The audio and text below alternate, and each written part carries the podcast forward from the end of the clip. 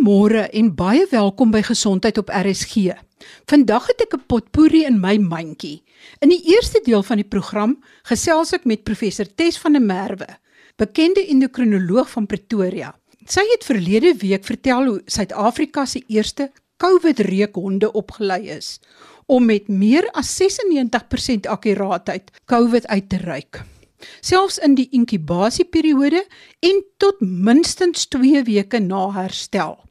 Vandag vertel sy of dokters sekere siektes kan ruik en ook van haar ondervinding van weke lank in 'n COVID waaksaal. Sy verduidelik ook meer oor multiorgaan inflammatoriese sindroom en lang COVID.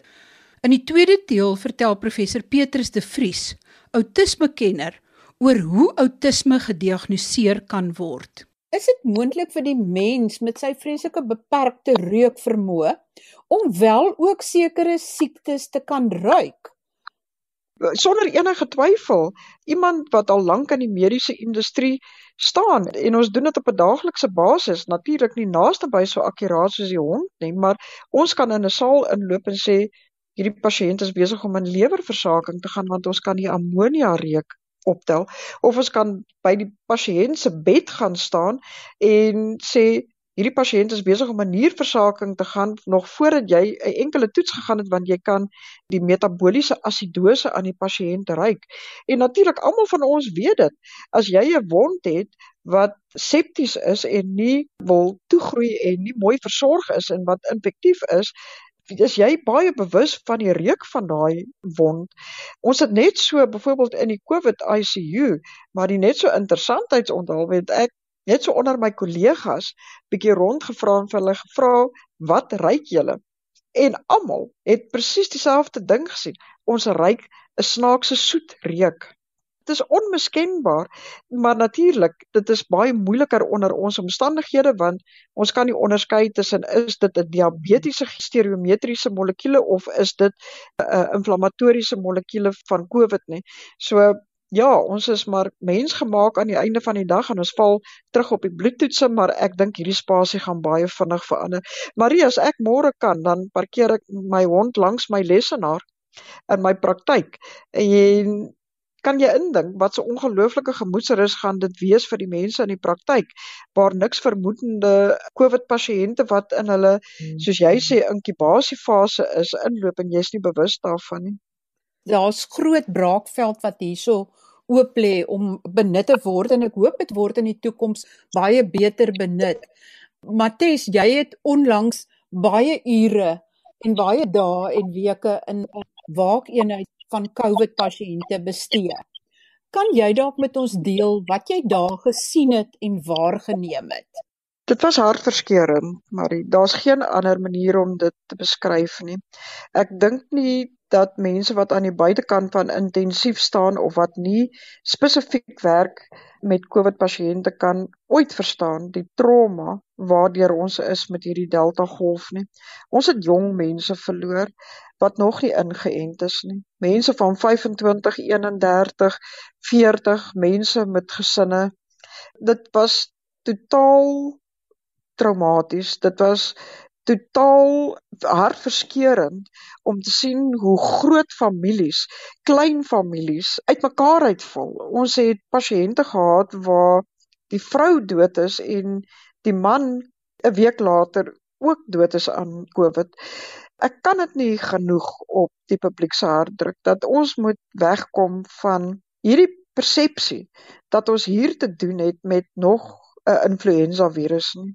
Kom werk vir 1 week saam met ons in die ICU dat ons vir julle kan wys hoe lyk dit.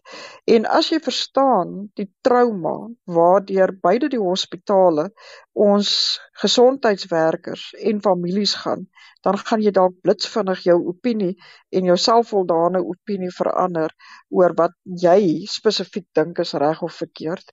Die persoon wat aan die buitekant staan, kan nooit besef wat aan die binnekant aangaan nie. So jy het nooit sulke sale ICU's vol mense gesien met 'n influenza virus nie. Dis absolute bog. Daar word beklei vir ventilators, Marie. Daar word beklei vir beddens in hierdie tydperke. Mense wat net matige simptome gehad het het ons ten alle koste uit die sale uitgehou want daar was eenvoudig net nie 'n bed vir hulle nie. En hulle moes hulle kansse neem by die huis. Die mense wat opgeneem was in die hospitale, in die sale, in die hoë sorg, in die intensiewe eenhede, was mense wat 'n minder as 20% kans gehad het op oorlewing. So jy kan nie daar in 'n winkelsentrum gaan rondloop en kyk na wat om jou gebeur en dan sê dit is verteenwoordiging van COVID nie. Jy kan slegs saamgesels as jy persoonlik vir 'n paar weke met COVID in 'n COVID-saal en 'n COVID-intensief gewerk het. En as dit nie die geval is nie, is dit die beste dat jy jou opinie hou vir jouself. Was jy nie bang dat jy self COVID gaan kry nie al is jy gevaksinereer nie? Ek is gelukkig ingeënt, uh vroeg al want ek is 'n gesondheidswerker. Ek het al verskeie blootstellings gehad. Ek is oortuig daarvan dat ek het net lig daarvan afgekom want as ek kyk na my antiliggame, Marie is dit buitengewoon hoog. So die vaksinering het my ongetwyfeld gehelp. Ek het definitief al 'n COVID blootstelling gehad op een of ander stadium. Ek was net deur die genade van bo het ek daardeur gekom. Dit gaan nie help as ons almal bang is nie. Iemand moet die mense versorg. Ons kan nie almal weghardloop nie. Iemand moet die mense versorg. En ek dink dit is waar ek my hoed afhaal vir mense wat deur hierdie moeilike tye gewerk het. Partykeer 7, 8 dae op 'n slag sonder 'n enkele afuur. Partykeer 7, 8 weke op 'n slag sonder 'n enkele afdag. Maar dit is waarvoor ons geroepe was en dit is wat ons werk is en ons gaan dit doen met die nodige eerbiedigheid teenoor die pasiënt en die pasiënt se familie wat hulle toekom. En verstaan dat daar's 'n mens se familie aan die ander kant. Daar's trauma, daar's posttraumatiese stresssindroom. En om ligtelik te gesels oor daardie impakte is om totaal roekeloos te staan teenoor die mense wat geliefdes verloor het. Dit is 'n baie traumatiese tyd en ek dink die ander deel is dat die pasiënte alleen daar lê en glad nie by hulle familie kan uitkom of hulle familie by hulle nie. Dit was hartverskeurend, maar ons het 'n stelsel gehad in ons hospitaal en ek wil vandag sê ons het 'n uitmuntende span. Ek wil dankie sê vir my sielkundige wat elke liewe dag van sy lewe homself beskikbaar gemaak het om uh, per WhatsApp met die families te gesels. Ons het wanneer ons gesien het daar's geen hoop meer nie, besoeke gereël vir die familie onder uiters streng omstandighede waar ons net gevoel het dat dit is in die pasiënt se beste belang dat daar ten minste een familielid naby is om te groet, om respekvol te wees. Uh ons het die proses baie versigtig gemonitor. Hulle was almal in volledige PPE geklee. So ek dink weer eens die staf het gedoen wat hulle kon met die bietjie reserve wat ons tot ons beskikking gehad het in die tyd wat ons tot ons beskikking gehad het en ek dink dit is waar 'n holistiese span ongelooflik belangrik word want jy as dokter kan nie alleen daai las dra nie. Ons het maatskaplike werkers gehad wat betrokke was, ons het sielkundige gehad wat betrokke was, chirurge, narkotiseers, jou ICU personeel. Ek dink nie mense verstaan daar buite nie. Hier is 'n hele span betrokke. Tens en dan omdat ons 'n vorige keer gesels het oor die inflammatoriese reaksie. Daar word nou geskryf oor multisystem inflammatory syndrome. Is dit baie skaars of is dit werklik waar iets wat maklik kan gebeur in iemand wat COVID het? Ons weet nie wat die spesifieke insidensie is nie. Wat ons wel weet is dat dit toenemend meer en meer voorkom en toenemend meer en meer in jong mense voorkom en in kinders. Ons het op een stadium in ons pediatriese ICU 12 beddens vol gehad met kinders wat gediagnoseer was daarmee. Ja, ons is 'n spesialis entiteit en ons het 'n pulmonale eenheid vir kinders. So ons het waarskynlik baie van die mees kritiese en mees siek pasiënte gehad wat by ons opgedaag het. Maar ons begin ook baie van die long hauler effekte sien en dit is meestal neurologies. Ons verstaan so min daarvan Marie. Guillain-Barré is iets wat dikwels meer en meer post-infeksie begin voorkom. Ons verstaan nie hoekom hierdie virus baie keer verkies om in 'n pulmonale roete te gaan en baie keer verkies om in 'n neurologiese rigting te gaan. Ons het baie meer myokarditis gesien hierdie keer veral onder die jong mense. Ons sien baie meer longfibrose na die tyd. Mense wat geventileer was vir verskeie weke aan een wat nou 6 7 weke na die tyd ek het juis gisteraand gestaan en kyk na 'n ekstraal in my kantoor van uh, een van ons verpleegsusters se uh, se broers wat geventileer was wat uitgesproke pulmonale fibrose het. En ons weet nie wat is die pad vorentoe nie, maar ons leer uit ons foute uit. Ons probeer ons beste om die beste navorsing te doen. Dit is onsmaaklik om daai navorsingspogings te verkleineer. Ek dink niemand weet regtig wat aangaan met hierdie virus oor die lang termyn nie. En vir daai mense wat wel die integriteit het om daai navorsing te doen, daai opvolge te doen, haal ek my hoed af want we are really treading new waters. Ons weet so min van die uiteindelike langtermyneffekte. Dis net voordat ek jou laat gaan, kan jy net baie vinnig verduidelik wat is die fisiologie of die patologie van multisystem inflammatory syndroom, multisystem inflammatoriese syndroom? Ja, dis eintlik baie eenvoudig, maar dit is 'n vorm van 'n vaskulitis. Met ander woorde, hmm. van daai inflammatoriese molekules wat afgeskei word in daai tweede fase, want onthou jy het jou inkubasiefase, dan word jy simptomaties en dan ongeveer hierdie keer het ons ook die inflammatoriese fase baie later gesien.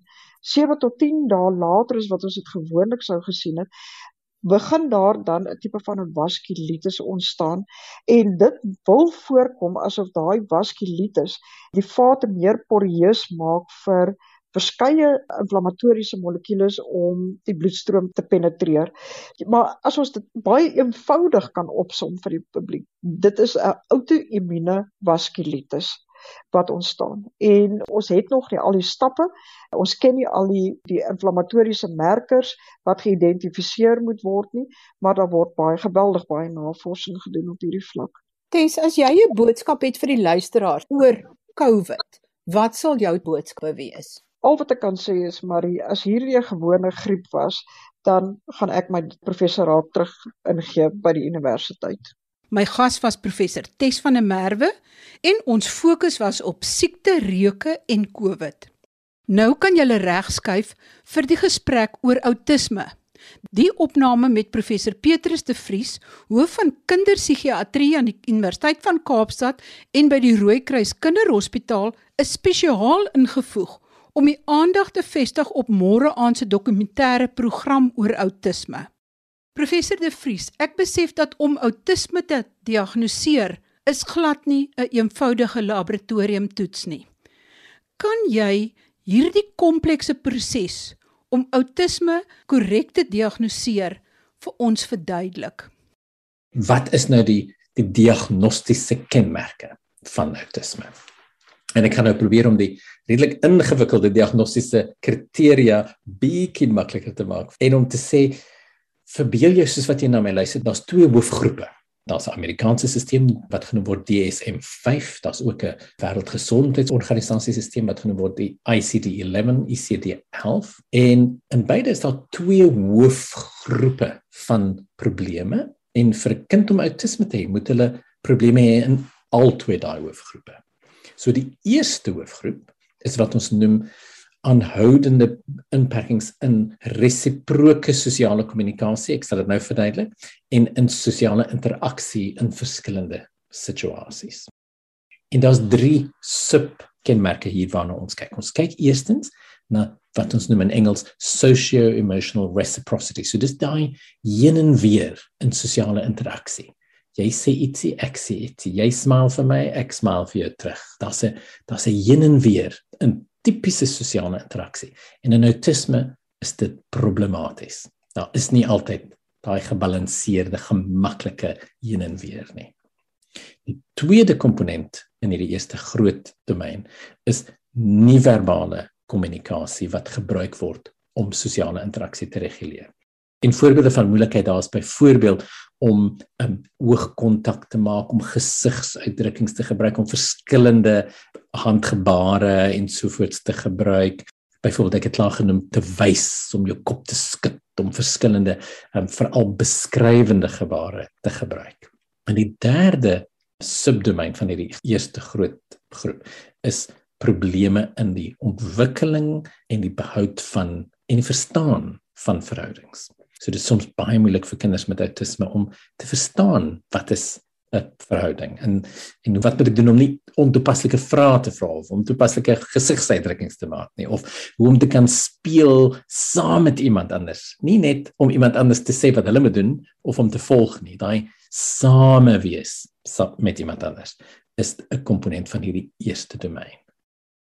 Die tweede diagnostiese domein is wat ons noem die domein van beperkte en herhalende patrone van gedrag, van belangstellings of van aktiwiteite. En in hierdie tweede domein kyk ons na vier moontlike hoofgroepe. Nou ek weet dit klink dalk 'n bietjie ingewikkeld, maar ek probeer maar net 'n bietjie voorbeelde gee van hoe ons dan nou as eksperte begin dink om of 'n kind dalk 'n moontlike diagnose het. So die eerste van hierdie vier groepe is om te kyk of 'n kind dalk stereotipe of herhalende bewegings maak of stereotipe of herhalend voorwerpe gebruik of of hulle taal dalk stereotipe of herhalend is. En dit kan wys deur handfladdering of om al die kindertjies in 'n ry te sit of om dingetjies te groepeer eerder as om daarmee te speel op 'n interessante manier soms in taal gebruik hoor ons herhaling van woordjies by ons met echolalie of soms maak kinders hulle eie woorde of frases op of hulle net ongewone maniere of self professoragtige maniere om te praat en al die kan moontlike tekens wees van autisme. Tweede subgroep daar is in Engels is die frase insistence on sameness. Kinders wil hê alles moet dieselfde bly. Hulle wil hê die rotine moet dieselfde wees. Daar's 'n patroon wat baie keer baie ritualisties of rigied is. En 'n kind met autisme kan baie ontstel word as daar die kleinste veranderinge is in die verwagtinge of in hulle program. Hulle sukkel dikwels met transisies as dit weet van somer na winter, van oggend na middag, van een huis na ander, van een persoon na iemand. Soms is hulle hulle rituele van groet of hulle hulle het nodig om dieselfde kos te eet of dieselfde dinge te doen en hulle kan baie baie ontstel word as hierdie wat vir jou of my miskien 'n klein verandering lyk soms verander. Die derde subdomein hier is baie spesifieke energiede belangstelling in spesifieke onderwerpe.